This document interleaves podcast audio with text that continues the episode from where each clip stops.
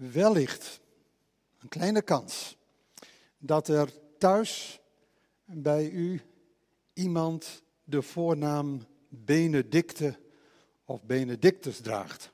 Ik zeg een kleine kans. Maar je zult maar Benedicte Fik heten en advocaat zijn. Benedicte, ik denk een naam aan haar gegeven door haar ouders, is een naam die ons vandaag veel te zeggen heeft. Bene is goed, dicte is zeggen. Het gaat in het woord benedictus om goede woorden zeggen.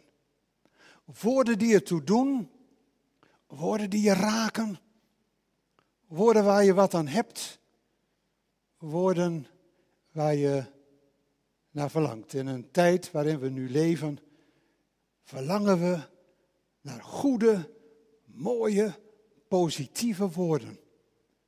Woorden die haak staan op dat wat we in de samenleving zien en horen. Er is veel boosheid. En ik hoor ook steeds weer zeggen, ja, maar dat is ook wat te begrijpen, want zus en zo, de corona, en nou weer die omokron erbij, en het gaat helemaal niet goed, en er komen nog meer mensen in het ziekenhuis, en alles is nog langer dicht. En de een weet het beter dan de ander.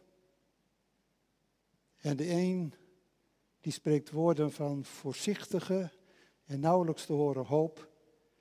En de ander is ongelooflijk boos. En dat wil worden opgezadeld met alles wat ons pijn doet. En ze komen ook tegenover te staan, die beide groepen, dat wil zeggen de polarisatie in ons land, viert hoogtij. En er wordt met heel veel geweld gereageerd.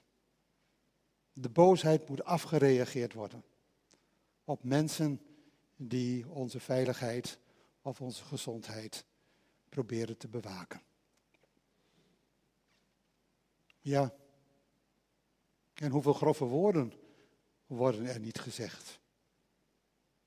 Hoe hard kan het gaan? En dan, dan denk ik dat het goed is om ons samen te realiseren dat er goede woorden gesproken kunnen worden. Woorden die je helpen. Woorden die je kracht geven. Woorden waar je mee verder kunt in onze maatschappij. Als het over grof taalgeweld gaat, dan zal niet iedereen direct denken aan de Bond tegen het vloeken. Maar de Bond tegen het vloeken heeft een prachtige advertentie in de krant gezet, in de Telegraaf. Dat is niet een krant die ik lees en ook niet een krant uh, die ik zelf uh, zomaar even zou aanschaffen. Maar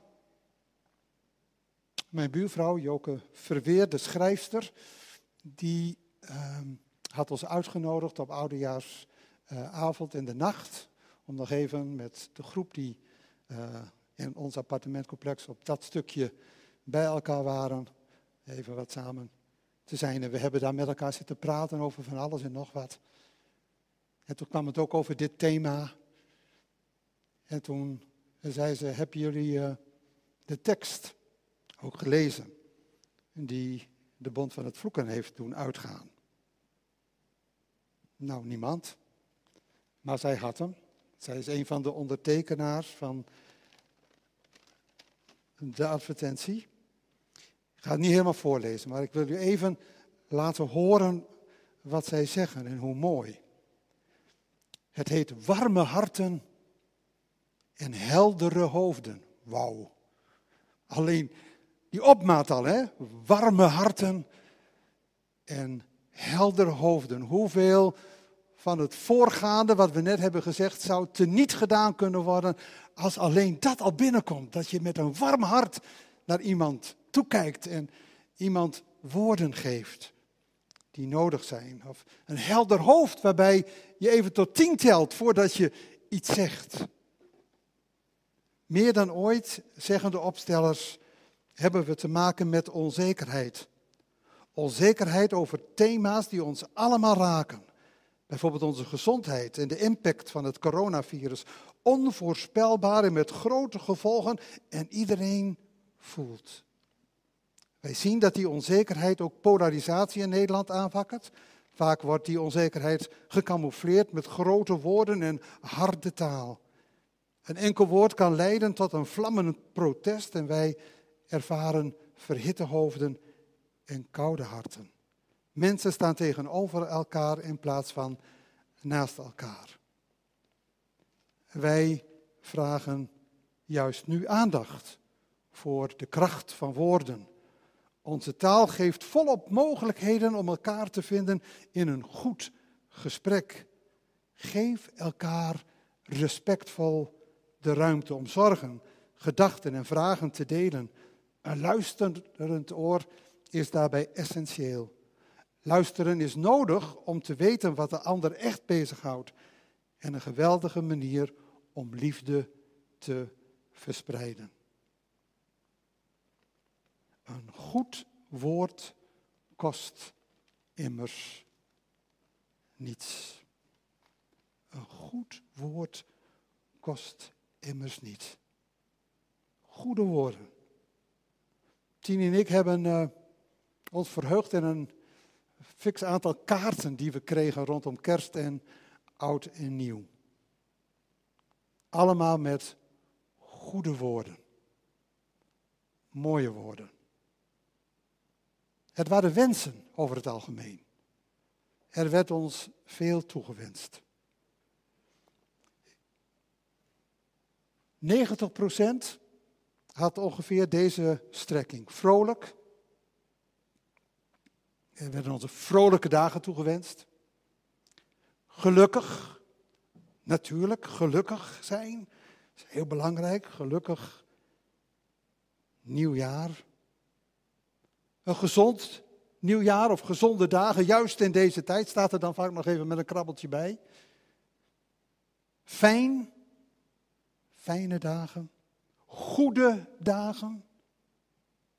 90% van de kaarten die wij kregen hadden dit soort teksten. En 10% hooguit van de kaarten kende de tekst gezegende dagen. En ik wil u vertellen, en ik ga dat vanmorgen ook vertellen. Gezegend is net wel even iets meer dan alleen maar vrolijk, of alleen maar fijn, of alleen maar gelukkig. Als het gaat om de zegen van God en om het gezegend zijn, dan ligt er direct al een diepere lading in, omdat je een zegen nooit los kunt bedenken van God.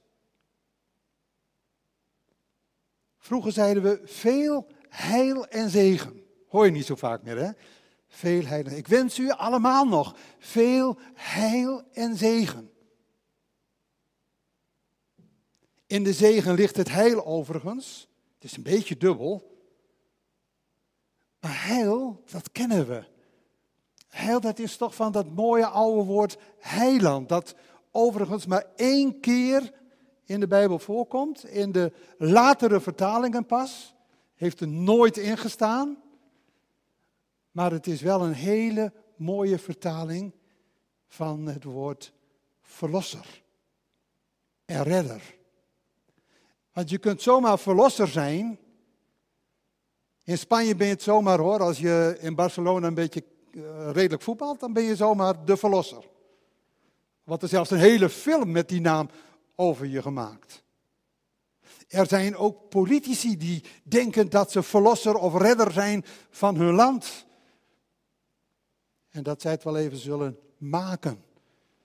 In een zogenaamde maakbare wereld. Maar ik heb Hugo de Jonge zelfs horen zeggen dat we niet in een maakbare wereld leven. En de heiland, waar wij het nu over hebben, van heil en zegen met dat heil is iemand die in staat is om je te genezen. Om je weer heel te maken. Om weer zodanig met je onderweg te zijn dat je tot datgene komt wat God in jou heeft neergelegd en waar Hij naar verlangt dat je zult zijn. Heil en zegen. Heel is helder. Het gaat bijna om het volmaakte in het hier en nu. We zullen het niet echt raken, omdat we in beperktheid leven, omdat we nog steeds niet kunnen zeggen dat dit de eeuwige werkelijkheid van God is. We zijn er naar onderweg. Maar in het er naar onderweg zijn, mogen we er al iets van laten zien, omdat de heiland en de verlosser ons ook op het oog heeft en ook bij ons binnenkomt als we zijn zegen mogen ontvangen. Een zegen, de oudste die we kennen, is de zegen die in nummerie genoemd wordt en die uitgesproken moet worden over het volk van Israël. En dat is een hele boeiende spreuk, eh, die zegen, spreuk van nummer 6. Het is een, een gekunstelde zegen als het gaat om de manier waarop het in het Hebreeuws is opgezet. Het gaat in de eerste zin van drie woorden naar de tweede zin van vijf woorden, naar de derde zin van zeven woorden. En er zit in de woord een aantal letters en die letters die komen over 1 van 15 naar 20 naar 25. Daar is iemand bezig geweest om het zo te construeren dat als je dat leest, dat je in een ritme komt waarbij het steeds groter wordt en steeds mooier wordt en steeds heftiger wordt. Waarbij je meegenomen wordt in een stortvloed van woorden die het allerbeste met je voor hebben. Dat zijn zulke goede woorden. Dat zijn benedicte woorden. Dat zijn woorden die we hebben gelezen. Woorden als mogen de Heer u zegenen en u beschermen. Mogen de Heer het licht van zijn gelaat over u doen schijnen en u genadig zijn. Dus, wacht even, hè, wacht. Zegenen? Mag dat gebeuren, dat je de zegen ontvangt? Nou ja, wat is nou die zegen? Dat is in de tweede zin dat het licht van zijn gelaat over u doet schijnen. Het licht van Gods gelaat schijnt over het volk. Schijnt over het volk. En mogen de Heer het licht van zijn gelaat over u doen schijnen en u genadig zijn. Vergeving. Vrijmaken van wat niet goed is. En het goede ervoor in de plaats. Bij dat goede moet je eigenlijk wel even denken, niet aan zomaar goed, maar dat gaat over dat woordje tof eigenlijk. Dat, dat toffe woord dat we bij de schepping horen. God sprak, er was licht. God sprak en het stond er, het was er. En toen hij gesproken had en zweeg en de schepping beoordeelde, toen keek hij en toen zag hij dat het goed was. Helemaal goed. Volmaakt eigenlijk. Zoals het zou moeten zijn. Prachtig om te lezen dat het niet alleen blijft bij een woord dat zegt, jij krijgt een zegen, maar dat wordt uitgelegd wat die zegen nou eigenlijk inhoudt. Het is dat God zijn eigen licht over jouw leven laat schijnen. Je komt in het volle licht te staan. Je gaat jezelf herkennen als iemand die misschien hier en daar wel eens een scheve schaats heeft gereden. of waar het wel eens in de woorden mis is gegaan. Maar God zal ons daarin genadig zijn. Wauw. In staat stellen om weer goede woorden te spreken. Je leven weer in de schijnwerpers van zijn eigen licht zetten, zodat je tot jezelf komt en zegt, ja zonder u kan ik niet leven, vergeef mij en laat mij zijn wie ik ben in woord en in daad een kind van u. Mogen de Heer zijn gelaat toewenden. Wacht even. Licht, zijn licht, dat heldere licht, dat we nog kennen van kerst, een ster licht, engelen die prachtig licht laten zien. Alles wordt verlicht, alles komt in het licht te staan. Wij komen in het licht te staan en wat zien we dan? Wij zien dan zijn gelaat, omdat hij die niet afwendt, maar toewendt. En dat is heel bijzonder.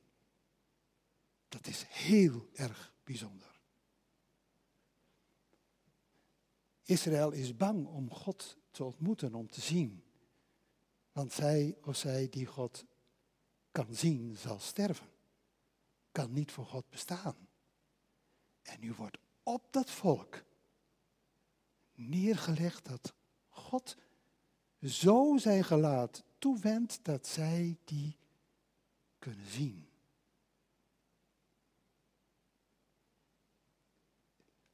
Op zijn minst kunnen ervaren. Op zijn allerminst het geraakt kunnen worden. Diep in je eigen bestaan dat God zijn hand, zo staat het er ongeveer, als de zegenspreuk is uitgesproken, dan, dan zegt de tekst, wanneer zij mijn naam over het volk uitspreken, zal ik de Israëlieten zegenen. Op het moment dat zijn naam op het volk wordt gelet. Wat is die naam? Die naam is ik ben. Ik zal er zijn. Altijd en overal, thuis en hier.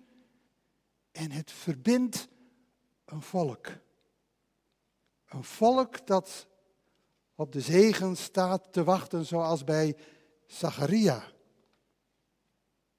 Een volk dat als volk gezegend wordt. Maar die zegen die aan een volk is gegeven, die zegen krijgt verdieping. Die zegen krijgt in het Nieuwe Testament een prachtige verdieping. In Jesaja 60 wordt nog gezegd, u zult beseffen dat ik uw redder en verlosser ben. En dan wordt het opnieuw tegen het volk gesproken.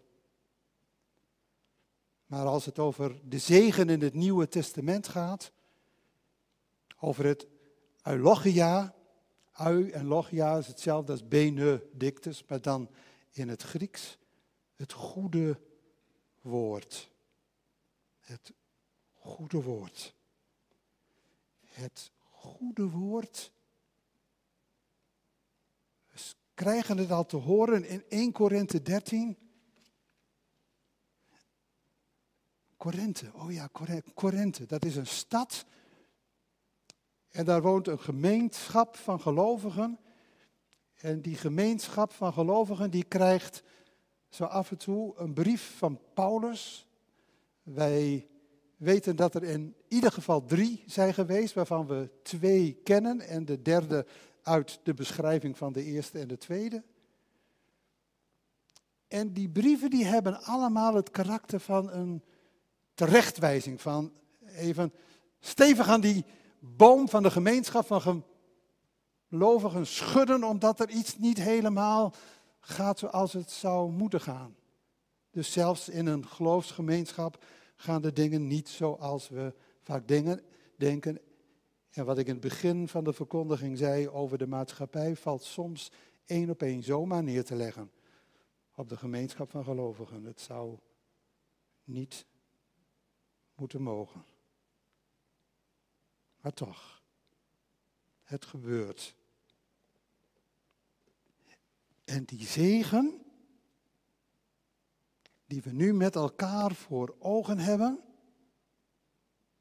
die zegen die, die gegeven wordt aan de gemeenschap van gelovigen in Korinthe, die is van de inhoud zoals we al een beetje gezegd hebben.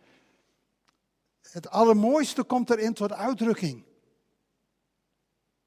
Eigenlijk zou je kunnen zeggen dat God zijn hand op het volk van Israël gelegd heeft, zoals die hand ook op de schouder van David gelegd werd. In Psalm 139, daar wordt gezegd dat David de dankbare en ervaarbare nabijheid van God mocht ervaren omdat zijn hand op hem rustte. De hand van God. En die door elkaar te schudden gemeenschap waarin zoveel niet goed was, dat is nou net de gemeente die ook het meeste krijgt te horen over de zegen.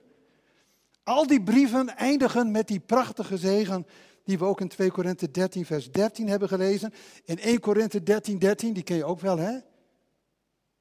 1 Korinthe 13 ken je? Kennen jullie thuis ook? En anders zoek hem maar even op en lees hem nog maar eens. Het is zo'n prachtig hoofdstuk. Over de liefde. Over de liefde.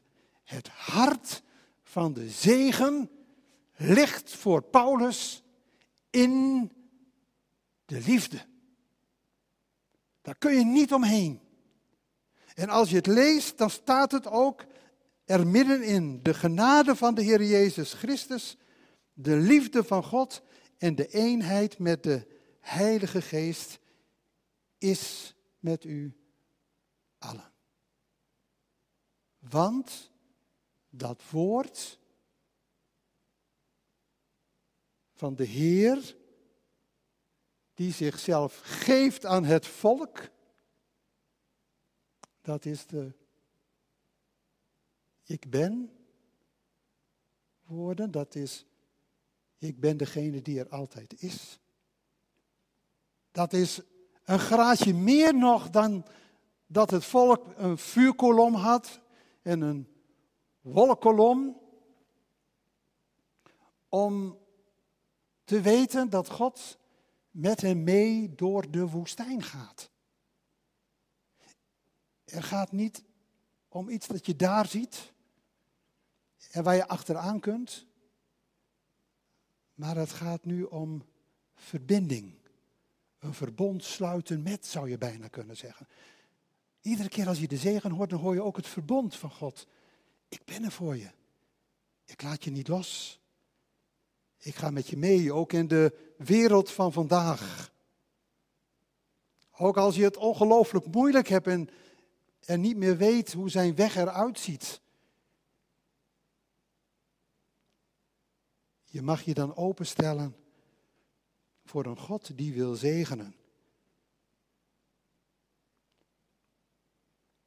Ik verbaasde mij erover, lieve broeders hier,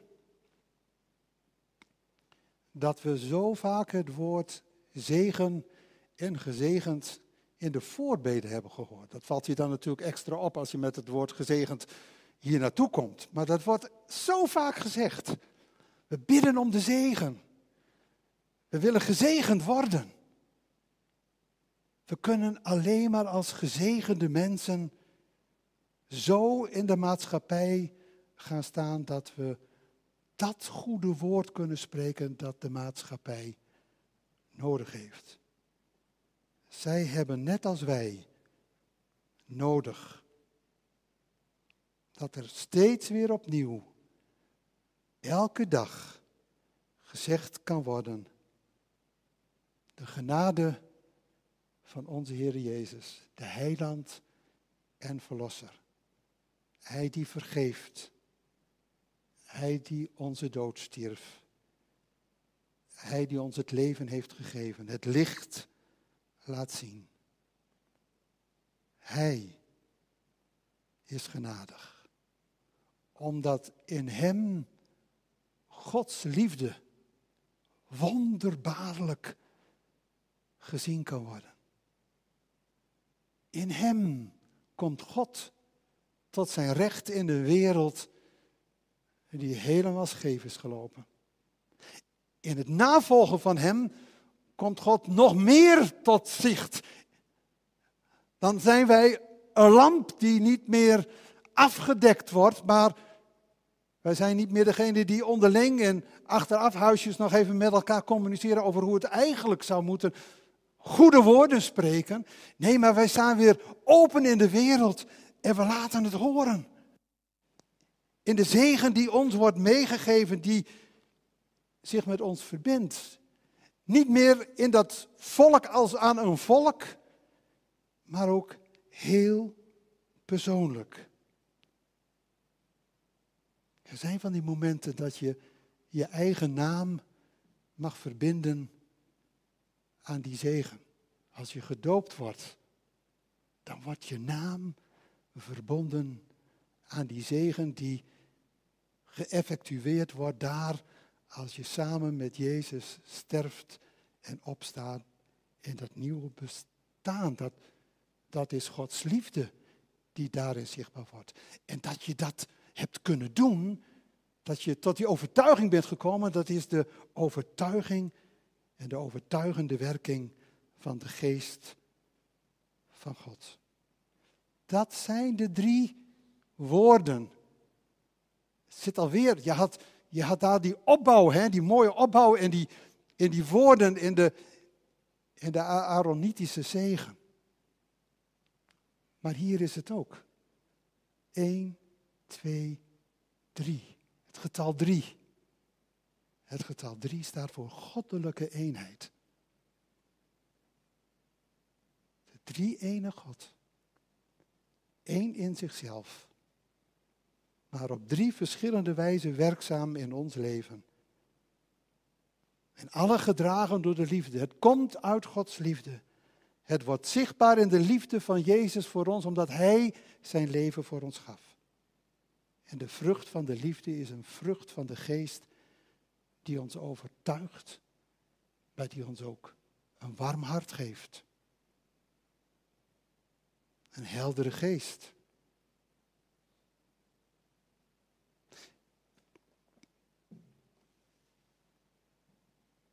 Worden we dan getroost? Worden we dan bemoedigd? Krijgen we dan een weg gewezen? Ja. Wat maar even heel stil. En als we straks de zegen aan het einde van de dienst uitspreken, dan zijn we er vol bij bepaald. Dan zijn we erbij bepaald. Dat God ons bevrijdt. Dat God onze redder is. Dat God ons geeft wat we nodig hebben aan kracht en bemoediging door zijn geest. En dat het ons in staat stelt, ja waarachtig ons in staat stelt om waar we ook zijn. Altijd omdat jij bent wie je bent, een kind van God. Dat je goede woorden kunt spreken. Goede woorden. Ook niet verbasterde woorden. Goede woorden. Laat mensen weten dat ze er mogen zijn omdat God van ze houdt. Dat zijn goede woorden. Laat ze weten dat Jezus is gekomen met kerst. En dat hij het vlees geworden woord is. Het beste woord dat we kennen, Jezus. En we mogen spreken van liefde. Niet als een gift die je zelf met elkaar kunt creëren, maar iets dat ons geschonken wordt. Gods eigen liefde. Gezegende mensen zijn mensen die de inhoud van de zegen kennen en uitleven. Amen.